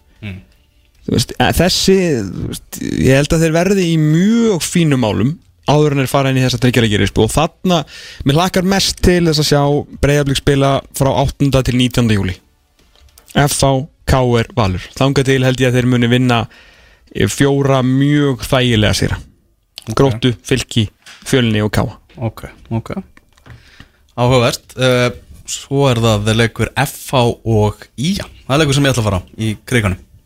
Skil það, það er mjög áhugaverð leikur Mjög áhugaverð leikur, bæði lið náðu að knýja fram þrjú stig í fyrstu öfverðinni Já, skæin gerði reynda meira en að knýja það fram. Þeir bara Já, já, pökkuðu káamennum saman sko. Algjörlega Stefán Teitur, Sjóð Heitur einhvern veginn, það var var gaman að sá hvernig þeir- náttúrulega fóru á stað með svona með heiminskautum á, á, á síðustu leiktíð. Oft var síðan engin innistega fyrir því en þeir voru þeir voru líka bara góðir á móti káa sko. Þetta var, var engin var engin lukka eða neitt í þessu bara góð mörg, góð spilamennska góðu fótbolti, þú veist, kraftur karakter og bara það var allt eiginlega gott við þetta þetta gati eiginlega ekki verið Dæin, dæin betri frumsynning Það er þannig, við erum eitt með á línunni Leikmann í, á skaganum. Já, það er svoleiðis. Það er bara svoleiðis. Sindri Snær Magnússon er á, er á línunni. Sæll og blessaða Sindri. Góðan daginn, þokkar Dæin Dæin, heyrðu við vorum að rósa ykkur fyrir, fyrir fyrsta leik. Þetta var helviti upplutt hjá ykkur hann á móti káamennum Já, ok, gáttu ekki rosa fyrir eitthvað meira? Já, hárgreislan alltaf góð og... Já, já. Já, hann var, hann var lillundaginn en eh, það er þetta að bæta þetta. Já, já, Hva, hvað getur við rósað ykkur fyrir meira? Er með ykkur hugmynd eða? Já, bara Norður álsmótið? E, Já, norðurlótsmóti sérstaklega. Já, Já. Það er því líkleði grillaða samlokur Segðu okkur, Stindri, hvernig var bara svona mútið eftir þetta allt saman? Ég með að þið hafa verið rosalega mikið á melli tannan og fólki fyrir mót, rosalega mikið af svona neikværi umræði sem að reynda snýrist ekkert eitthvað alltaf að ykkur og líka svona þess að hvað þið voru að gera á skrifstofu að fara í gegnum þetta ekki bara þrjú stig heldur þú spila vel og svona hversu mikil vitaminsbrauta var þetta bara fyrir ykkur strákana þegar þið sátuð inn í klefa eftir leik? Uh, þetta var bara mjög gott, við höfum trúið allan tíman og, og ætlum alltaf að vinna leikin þannig að en séum hann bara síðan er gott að spila vel og eins og við gerðum og unnum leikin að mér varst samfærandi eftir að það var rent undir og en, jú, jú, það gefur alltaf smá sjálfstöld í næsta leik að vinna leikin undan að segja sér sjálft en alltaf gott að byrja vel. Mm Þú í, í hjarta vartarnar í miðverðinum hefur nú áður leist þessa stöðu en hvernig, hvernig varst að, fíla þig þarna í þessum leik? Uh, bara vel, ég var með leiknisljónið á mér. Það var, það var ágætt að hafa eitt breyðsting hlinn á sér sem er einmitt hlinn á mér núna, núna líka. Við erum að kefa hérna gegnum pizzabæinn Bestu kveður og óttar? Nei, ég skilur því ekki. Já, já, allt í lag en jú, jú, það er gott að hafa hann og átna við vorum þarna náum við saman og svo tveir sprækir hann utan á okkur þannig að, jú, jú, ég hef leist þetta nokkur sinnum og gerði það vel þarna bara í þessu leik, gekka vel Markus er alltaf búin að vera tæpur og er, er að detta á fleiri ferð þannig að þetta var bara alltaf gaman að detta hans niður og fá að hlaupa hans minna. En þú ætlar ekki að vera aðna mjög lengi? Ég, ég held ekki, ég veit það ekki. Nei. ég spila bara sem er í sagt Nó, já, ok. Það er svona óttast en nei, nei, ég veit ekki ég ætla hann að leysi þetta þarna og ég veit ekki eins og hvort ég leysi þetta næst. Það kemur ljós. Já, já. Ég er á le- leiðin á einhver núna og svo hérna sjáum við til hvað gerist mm Þessi leikur á, á morgun í, í, í kriganum eru mann ekki gýraðir fyrir, fyrir því að heimsækja þarna flottasta völl, landsins og taka á F-fangun? Jú, klálega, það, var, það er alltaf gaman að spila í kriganum og sérstaklega völlurinn er yfirleitt beautiful eins og þau segja. Og hérna og það verður gaman að spila í kriganum og virkilega góðar aðstæður og við erum bara spenntir eiginlega að halda áfram og reyna að gera enn betur en síðasta leik. Mm Þarna leikmaðurinn sem að svona mest hefur verið rætt um eftir fyrstum fyrir Stefán Tittur Þórðarsson uh, Ingólfur Sigursson sagði í yngastuna þætti Stefán vera búin að taka stórt skref frá því fyrra sem betri heldur en í fyrra. Þú ert náttúrulega maður sem ert að æfa með honum dagstæglega er þetta bara hár rétt hjá, hjá Ingólfur þannig? Já, klálega, hann er búin að stíða mörg sög. Þannig að ég kem í ágúst í fyrra og, og hann var búin að eiga góða byrjun á mótinu og, og var síðan að stíga upp aftur og í vetur þá tók hann heldur mörg skref því að hann fer í landsliðsverkefni og fer síðan á reynslu hingað og þangað og kemur heim og bætti alltaf bara í það sem leiða og, og hefur haldið því áfram og vonandi heldur því ennþá áfram. Því hann er mikilvæg fyrir okkar lið og stóð sér frábúlega í leiknum og, það sundaginn. Heldur betur. Hvernig búist þið við F-fáingum á, á morgun? Vantar ekki reynsluna í þetta lið? Náttúrulega var með elsta byrjunarliðið í, í fyrstu umferðinni uh, við búumst við að þeir verði jafngamlir. Nokkur um dögum eldir endar Já, nokkur um dögum eldri en það er svona í árafjöld að verða svipaðir Já, uh, uh, og við verðum bara, F-fáingar er alltaf sterkir og heimaðalli og þeir eru með hörku helvitis mannskap og Stephen Lennon á góðum degi er við að eiga og þeir eru með marga sprækja leikmenn þannig að við þurfum að stoppa í guttin og reyna að sækja alveg á það. Algjörlega, þetta verður flottur leikur Svo leikur sem ég er mest spenntastu fyrir í, í þessari umferð F.A.I. að annað kvöld. Ég segi bara gangi ykkur vel, Sindri. Takk ykkur kjærlega fyrir og sumu leiðis. Áttalega, bye bye. Bæjó ja, Þetta verður uh, hörkuleikur í kriganum á, á morgun. Hörku helvitisleikur Hörku helvítisleikur Það er bara þannig. Það er nefnilega þannig sko.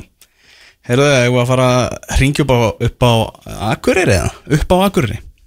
Á Akureyri? Já, já Upp á Akureyri. Bara, sagði það og ég ákvað bara endurlega það. Já, þér. Þetta var að fyndi Ánægð með Mjög ánægð með Herðu, vingarnir eh, eru það er að fara að hefja leik gegn eh, Káa eftir 16 mínútur leikurinn í beinni á eh, stöðu sport þar sem að uh, ég sé ekki betur en ég var að senda þetta mynd frá uh, Akureyri og það er uh, óvænt að það er gott viður á Akureyri, sé ekki betur. Já.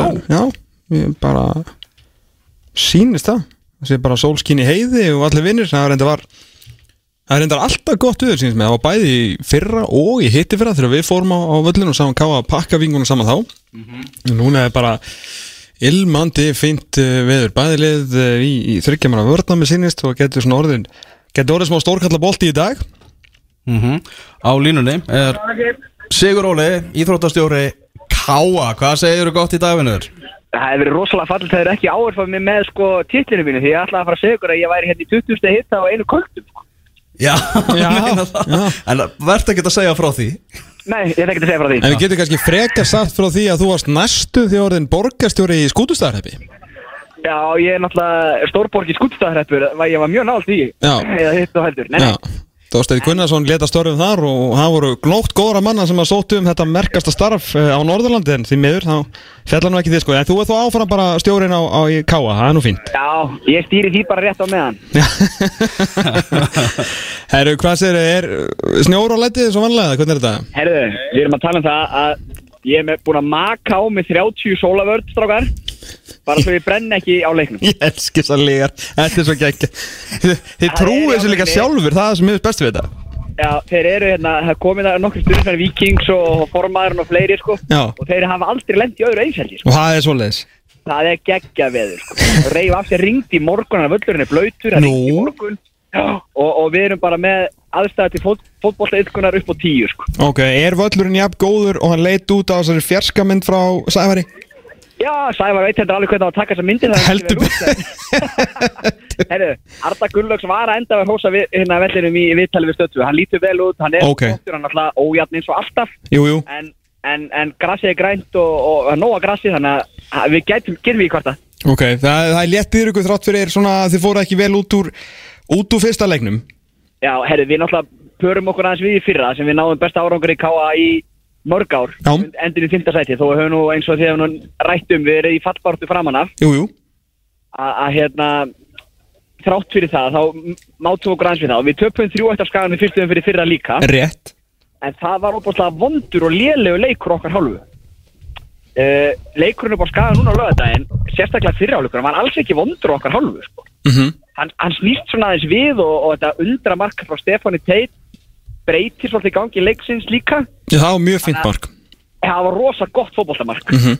þannig að við vonumst til að, að hérna, byggja bara ofan á framistunni fyrirleikum til skaganum og, og við erum alltaf erum að fá Mikkel inn og, og, og hérna í leikin í dag. Og það breytir líka svolítið dýnamikinn hjá okkur upp á först leikkatri, ég, ég rekna með að sko Sölvi og félagir í vördinu og vikingur hensi frekar í hotseldur en innkast. Þetta er mér mjög eðlilegt sko. Já, þið eru reynda líka með Hallgrim Mar sko Þannig að förstu leikadriðin ætti að vera bara í fínu lagi hjá okkur. Það er nefnilega alveg rétt hjá þið sko og Já. ég veit að Óli og strákandir í teiminu er búin að drilla sér fyrstu leikatri og við verðum hættilegi þar í sumar. Já, því að annað væri, annað væri mjög skrítið. Herru, þið eru skuttið þarna síðustu krónunum og örunum í, í Guðmund Stein og svona á bekknum Já, hérna Steini er hérna klár í slægin í dag. Hann var náttúrulega ekki með leikamill síðast hann var að spila úti á R.V. Köblens áður en hann kom til okkar. Já, og þar vinnur greinilega enginn á 50 á föstu því að hann fekk ekki leikamill fyrir til skagan og það svaraði bara enginn á skrifstofun hjá Köblens. Nei, þetta er svolítið svona oft í útlendum að það eru menn bara að vinna svona frá skilur 14-15 til kortir yfir 2 sko. Akkurat, en hann er allavega klár í slægin í dag, er í búningnum. Og hann kemur inn á 7050 og skora sannlega sigumarki í dag. Já, ok, vonandi ekki Tómas fyrirgjaðu, þú veist að við erum ekki sammála þennan leik hvernig við Nei, ég veit ég veit. Það. Er bara svo það er. Ég segi það, ég segi það. Herðu, annars tvær Það var allt upp á tíu. Já, hvað, tvær breytingar uh, í dag? Kvistarinn kemur inn og uh, hvað, Bjarni það ekki? Já, Bjarni kemur inn fyrir andra fannar reyn skipting á miðinni En. Kvist kemur inn í miðvörun og Ívar Örn uh, sem gaf ítið á móti ía Já, Hann fyrir út til vinstri bakvörun eins og er svona. Varnalínan okkar klár sko Þetta er nokkar varnalína í sumar myndi ég segja Hrannar og Í Ívar í bakvörunum Mhm. Og þryggja manna lína þetta af Kvist, Hatta og Brynir Inga já Mhm. Hvernig er útlitið með mætinguna á leikinu? Þetta er svona furðulegu leiktið með 13.30 á lögati Já, þetta er, eh, veistu það, ég á rosa erfitt með að ráði þetta og ég er mikill spekulant þegar kemur að ráði mætinga í viðbörðu og leiki á káa Já. Að ég á rosa erfitt með að veðrið er geggjað. Ég veit ekki hvort það hjálpi til að skemmi fyrir. Nei. Menn það er enginn á tenni, ég meina, hvar eru akureyringar? það getur bara að busla út á tjálsæðinu hömrum sko. Já, svoleið, mennur það, er- Já, það er svoleiðis veður sko. ok. En, en ég veit það ekki, það er, við erum með fótboltamóti í gangi líka hérna í sjötaflokki kvenna og fleira. Þannig að það er nóg að vera hjá okkur í bænum eins og alltaf en ég held að verði það tæplega þúsund í dag 500, Já. 500 í hvora hólfi Ok, ekki, ekki amalegt, ekki amalegt. Uh, við hlýðum við því Til hlýðið við þið Já, já. Það er þetta hann kom með fálkaorðana og svona. Það þýðir ekkert annað en að hlýðanum Nei, Herru, og hvað hérna fyrir þá vikingar sem er að hlusta ef þið vilja fá uh, eitthvað gott í kroppin á, á vellinum, er þetta ekki bara út í skemmu eða? Jó, við erum út í skemmu, ég sitt þar núna og var að klára burger með kalda drikki Já, og, og bara það er allt eins og á að vera sko, það er svona þjóðtíða stemning eiginlega. já, dælan í lægi ekki að síðast þegar ég kom, það er ekki dó mikið fróða Nei, þetta er bara, við erum með minn besta manni að stilla bjórun á hann. Já, það er mjög gott, það er mjög gott. Það er alveg til í að vera það Já, ég verður nú viðkjörn það, ég, hérna, er ekki, er Æsland Connect ekki, er ekki flóið okkur aftur eins og síðast eða? Ná, það er kannski ég var seint úr þessu. Náðu setni Við náðum setni Hann er alltaf beinni á stöð 2 Já, reyndar, ekki, reyndar. ekki ná að sjá þetta. Nei. Það er alltaf frábært að ná að sína, stilla þess að upp að sína alla leikina sko. Já, mjög gott, mjög gott sko. Herru, Það ég, er fysikal leikur held ég. já, heldur það? Já, þetta eru stórir og sterkir Kári og Sölvi og Halldór og Móti skiluru okkar stóru strákun líka. Já, með, sem betur fyrir kvistarinn ekki inn í tegn Eða sem betur fyrir, náttúrulega þessi yngvist er náttúrulega úr, úr korti sko. Já, það verður mjög gaman að fylgjast með því og hérna og ég held að við séum svolítið að við erum svolítið fastir í umræðinum sko fyrir COVID þegar við töpum 6-0 fyrir vikingum í vikinni. Mm og þá litum margir mjög illa út. Rosalega. Já, og, og ég held að við séum mjög hungraðar hjá, hjá Gulfum í dag að svara fyrir það framistu því að náttúrulega svo stoppaði bara fótbolti og lífið. Já, og fólk talaði ekki um annað en 6-0 káa vikingur sko. það er rétt, sem var eiginlega miklu verra fyrir Viking á endanum. Já, já, í rauninni þeim er náttúrulega bara spáð Evrópu og, og Mhm. draumum, draumum þeirra rættar sko. Já, ég er á leið búin að kaupa mig með á hérna Ramon Sanchez PS1 völlin í ústildarleika Európa-deildarinnar næsta ári. Og síðan getum við ekki unni fjölni þannig að þetta er svona, það er eins og þetta voni er lífið maður. Það er svona lífið. Herðu, átta mínútur í leik eh, bara njóttu sólarinnar og, og hérna og, og leiksins og vonum að þetta fari bara mjög vel fyrir mig. Takk kjærlega fyrir spjallisjórulum minn Já, takk fyrir að ringi mig strákar. Ekki máli.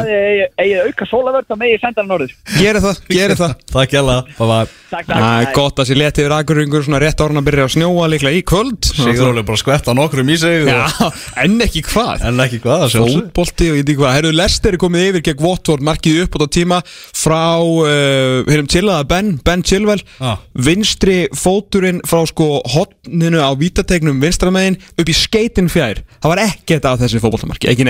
Herru, það er líka komið marki í Sambamýri Og hver skorar? Fred Fred, en ekki hvað Ef þú ætlar að skora mark í uh, Savamýrni Eða í Sambamýrni Þá þarf náttúrulega Brasilíum að skora Fred búinn að koma fram yfir gegn leikni Fáskursfyrði á 15. mínútu Mark í beinni Jöfnuna mark frá nei, í nei. útsendingu Kasper Smakkel ekki sáttu Nigel Pearson Hann er í Dunvesti uh, Þráttur að sé, mér sýnist vera mjög gott viður Á meðan við byggjum eftir endursýningunni Örlítur skýsla frá Þorkili Gunnar Sigabjörnssoni Á Twitter. Uh, Sjáum þetta markið áttur, það er hortspilna Og þetta er, núi, heyrðu. Og Kasper Smakkel verið þetta ekki, þetta er ekki Craig Cathcart sem að skora þetta eitthvað. Rosalegt sko. Já, fint mark. Með svona Framleik. 94. mínúta í gangi. 1-1 Já, Þetta er svækjandi fyrir uh, lestirlið Fred búinn að koma fram yfir þetta frábæra rispu. Allir helstu framararnir í stúkunni.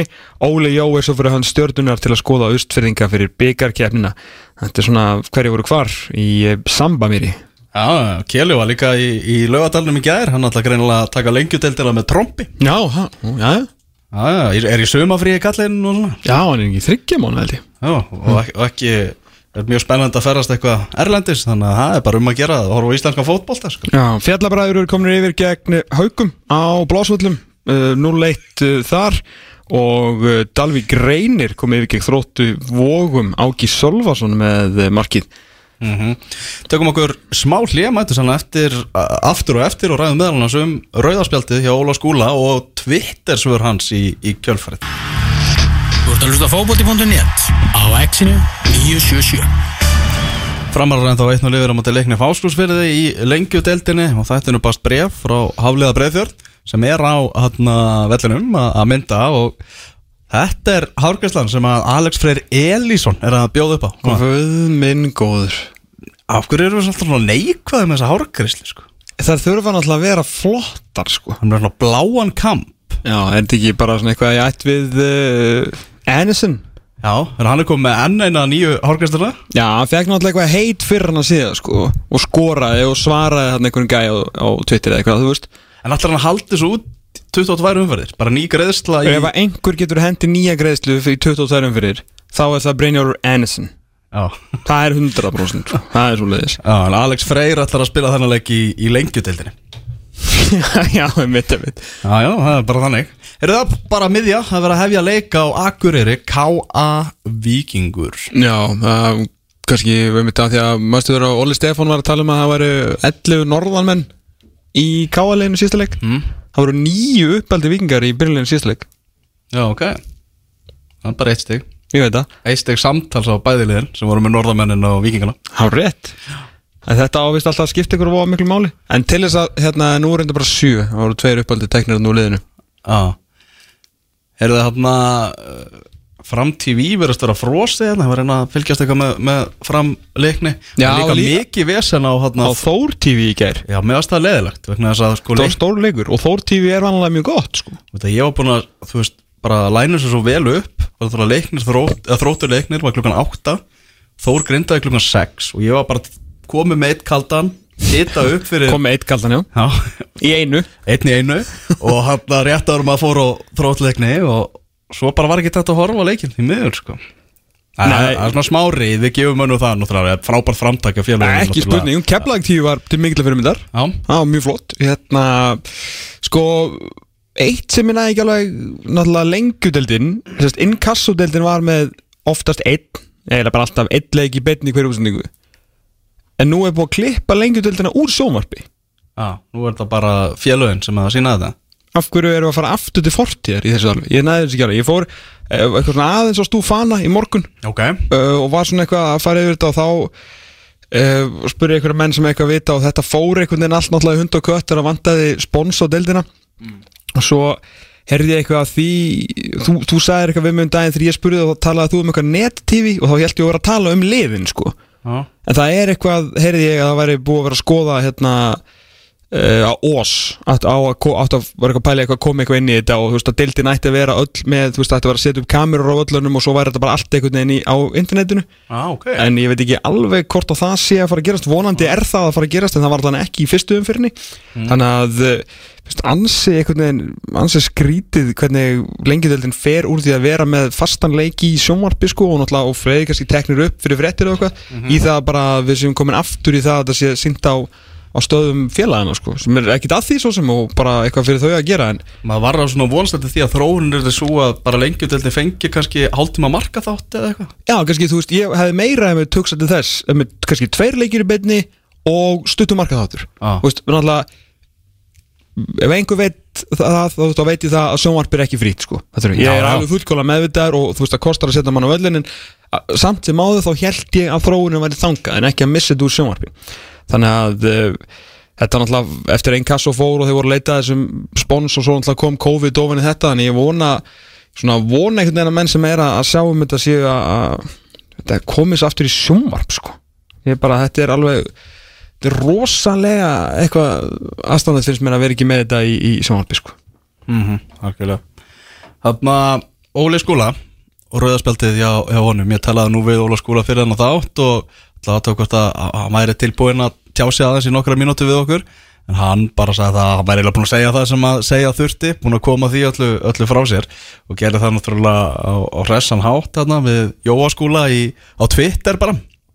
Já, við hafa mjög fyndin leið til að koma ég var samt ánægð með að hann sagði eitthvað, en, en hérna, en það var áhugaverðið svona útgangspunktur að svara bara jóa skúla í öllum. Já, hann hefur verið að skoða Twitter og bara ég þarf að koma þessu frá mér. Það er bara þannig, þarf að koma þessu út En gerði það? gerði það á, á, á endanum og meðal annars, bara þú veist, viðurkendi það að sjálfsögðu að þetta hefði verið bara háréttu dómur að reyka sig út af, þetta hefði verið rautspjald og, og ekkert annað. Já. en þarna, en svona þetta að Ragnar Bræi sé núna tví kynbeinsbrotin og bara ekki múin að gera neitt annan ánast í þessari viku eftir hann að sofa eftir að hann hann brotnaði það er fylgismenn er ekki alveg svona mjög sáttir við, við það atvik allt saman. Sko, ef að Ólafur Ingi Skúlason hefði ekki fengið rautt spjald fyrir þessa tæklingu þá væri enginn að ræðum það hvort að Daniel Lagstall hefði átt að fá guld eða hvað þá rautt spjald fyrir þetta. Veist, hann kemur á sentinni skallaðin við. Veist, það er engin, veist, það er engin ásetningur í þessu hjá honum en ég meina þetta er bara, þetta er bara illa tímasett skallaðin og hvort hann getur fengið guld spjald fyrir að vera á setninni þetta eins og vera of setninni einhverja tæklingu fæn, en þetta er bara allt unnur umræða sko.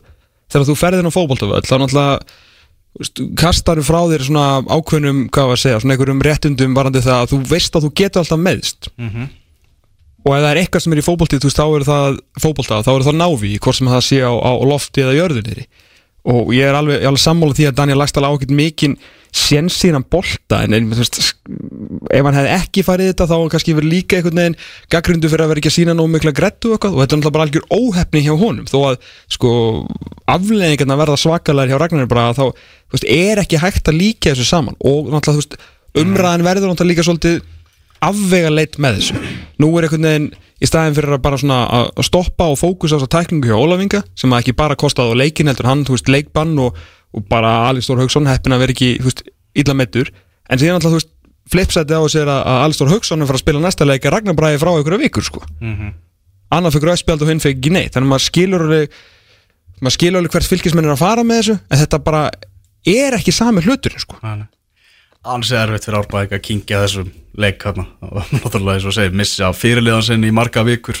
Já og, og sko, og, og besti kallin í liðinu og spilandi aðstóðþálurinn hann hann er í leikbanni á móti, móti breyðabliki hvað sem hann að, veist, startaði ekki. Fá á sig flautumark hérna í andlitið og, og síðan hérna náttúrulega eru að reyna á fullu að fá leikheimild fyrir Castiljón sem verður að ganga eitthvað hægt hérna það er eitthvað að flýta sér hægt í Indonesia Já, það er allir að flýta sér hægt þess að dagana sko. Alltaf svo margir sem mistu vinnun í COVID það er ekki til að svara þessum föksum sko. Já, ég veit að við leiknismenn vorum að reyna að fá hérna leikheimild fyrir, fyrir Guy Smith. Já.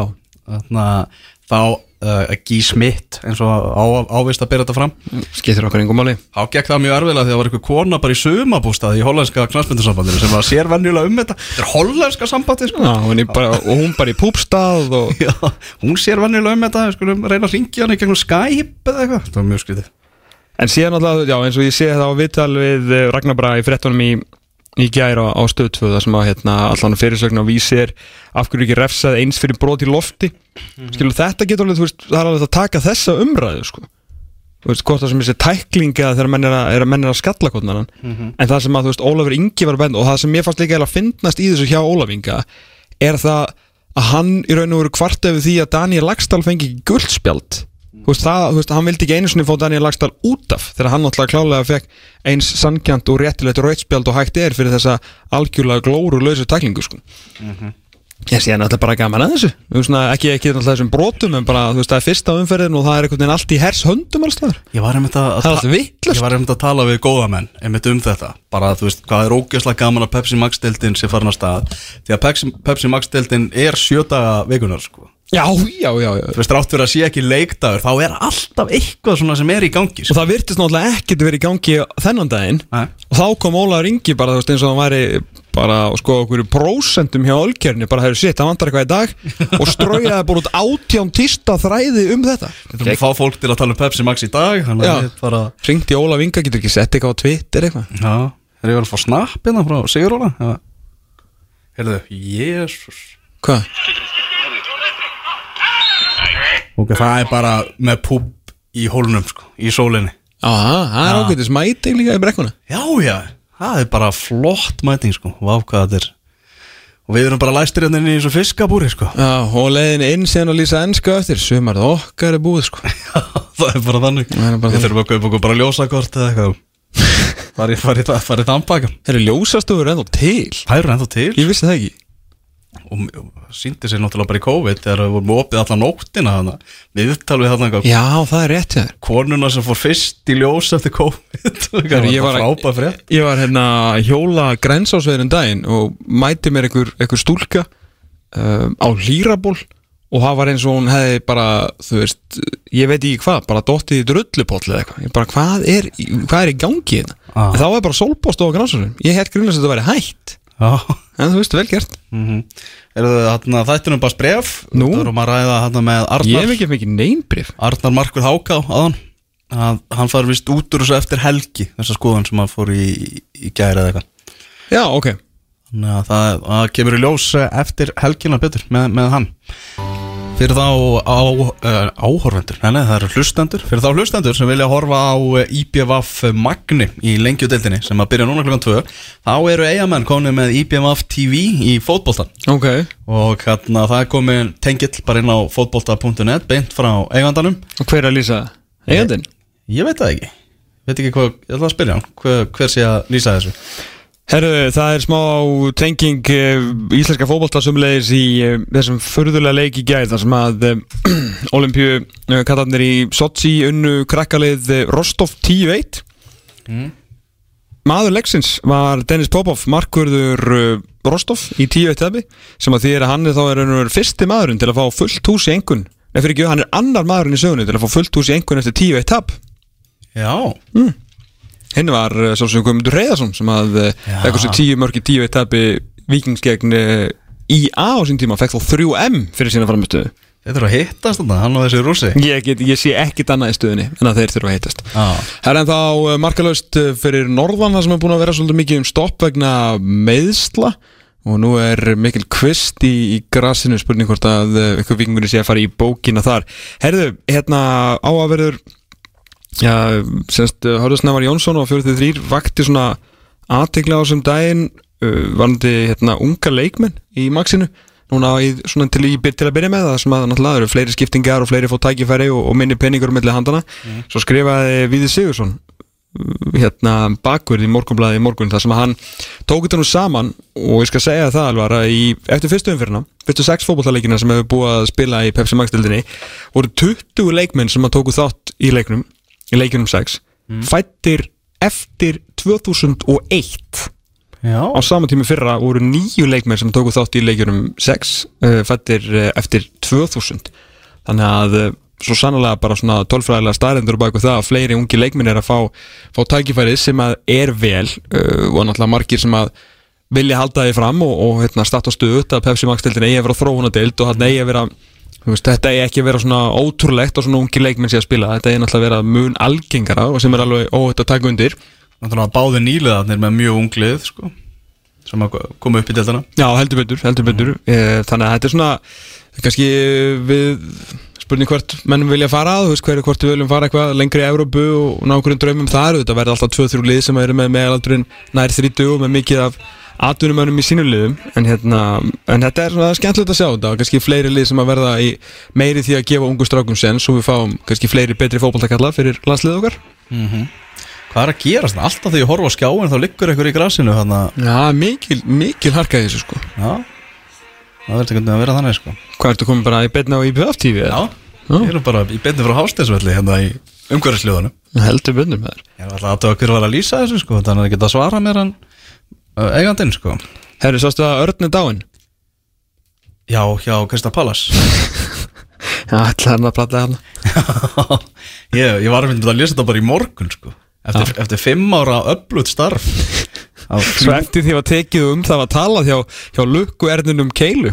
Já, sem var flög hann um Selast Park. Já, við, hérna, hún er látum um 28 bara gammal og fekk hjarta áfall Já Örnin fekk hjarta áfall því þetta var svona nokkuð áhugavert. Er 28 ára, er það gamalt hjá Erni eða? Og hvað er það í hundárum? Ég bara, ef ég vissi. Ég veit ekki hvað Ernir vera gammal sko. Nei. Held að það sé farið nú bara eftir ímsu sko. Heilu, Dalvík reynir þróttu vógum 1-1 Haukar fjárðabegð 0-1 Það er þetta í háleikarna í annar deltinu og fram en þá 1-0 yfir á móti leikni Fask. Já. Byrjunum við Hvað varstu með hérna Frambarðinir eh, Hvað var já, Fred sem var Já, 2-0 Sæður það? Er komið 2-0? Já, já, Sa Samba Dijande Fred með annað markið fyrir fram Þannig að Samba mér stendur Er hann þá eini maðurinn sem má skora í Samba mér eða? Það virðist vera Allan að, þú veist, er og með henni er og allt það sko mm -hmm. Ótrúlega satt á hennu stopp hérna á Akureyri þar sem að Viljámur Alvar um, hann taka hérna Haldur Smára í eitthvað tiltal og útskýra aðeins fyrir honum fótboltareglunar og fast leikadrið sem að Káa menna að fá eins og Sigur Óli Magni íþróttastjóri Káa sagði okkur á hann þá að þeir heldur betur verið að æfa förstu leikadriðin og af hverju ekki?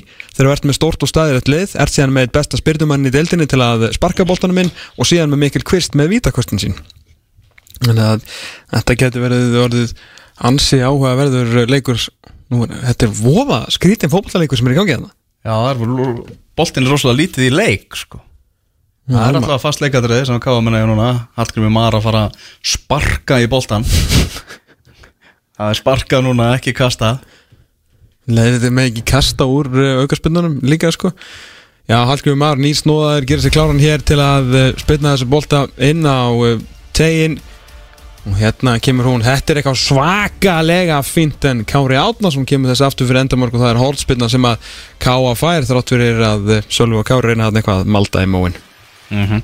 Heyrðu þarna Sambamýrin Ég heyrði þetta í hérna, podcasti sem ég hlusta á. Já, Uh, Bláa hafið Heiti það.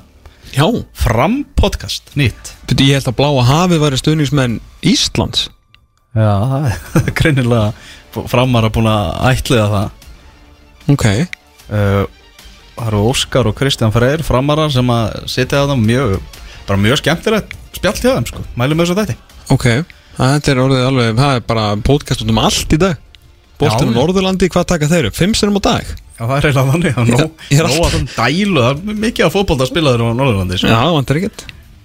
Það er algjörlega þannig. Heyrðu þau að fara bara að kveðja, segja þetta gott? Ég held að þetta sé bara orðið tæmt til okkur í dag sko Það er rosa mikið að gera en samt náðum við ekki Það var alveg, vantaði Við eitt tókum lag þetta svona í tempói. Já, tókum þetta kannski aðeins svo miklu tempo Við náðum ekki að stremma okkur af sko. Ég er með þess að búa með öll tópiki mín. Já, Ég átti bara eftir að hérna, tala um Roy Keane En það er kannski aðeins svo sent núna. Við getum bara að fara að henda okkur í, í 90s helgina. Já, sem er alltaf í gangi á milli 10 og 12 og svo 26 á nákvæmlega. Og svo 10 einmitt til 6 Herri, já, búið er mikið á dagskrán í dag heldur við förum að slá botnin í þetta við uh, tölum um uh, ennskaboltan og herri minn Trekka Pál reyndar á Akurri og hann var svona mátulega sáttur með United lið, uh, eðlilega og sáttur með David Gea í þessum leik en spenntu fyrir því að sjá Bruno Fernandes og Paul Pogba spila saman. Við fórum í Max umræðu og herðum í Sendrasnæði Magnúsinni já, miðjumanni og miðverði Íþróttabandala Sakarinn sem að já, vann frábæra sigur á Káa í fyrstu umferð. Þeir mæta mitt í á morgun eða fyrir ekki að mæta F á, á morgun. Og svo um, spjöldum við við baldum með Már Borgarsson okkar, einn af okkar sérfræðingum með kassadeldina eða fyrir ekki um til það tekur smá tíma réttlega og gefur mér eina tværið fyrir út. það var ekki að vera það takk fyrir það, kærlega. Svo var ég mjög pyrraður að klik, klikka á þessu. Mjög. Eru Káa Víkingur er í eh, fullu fjöri á stöðu sport eh, Brighton Arsenal er að detta núna í ganga á Simin Sport og sömulegis á mbl.is Við verðum með eh, alltaf helsta úr íslenska og öllum fótbolta hér eftir 6 daga og 22 tíma. Þangað til, verðið sæl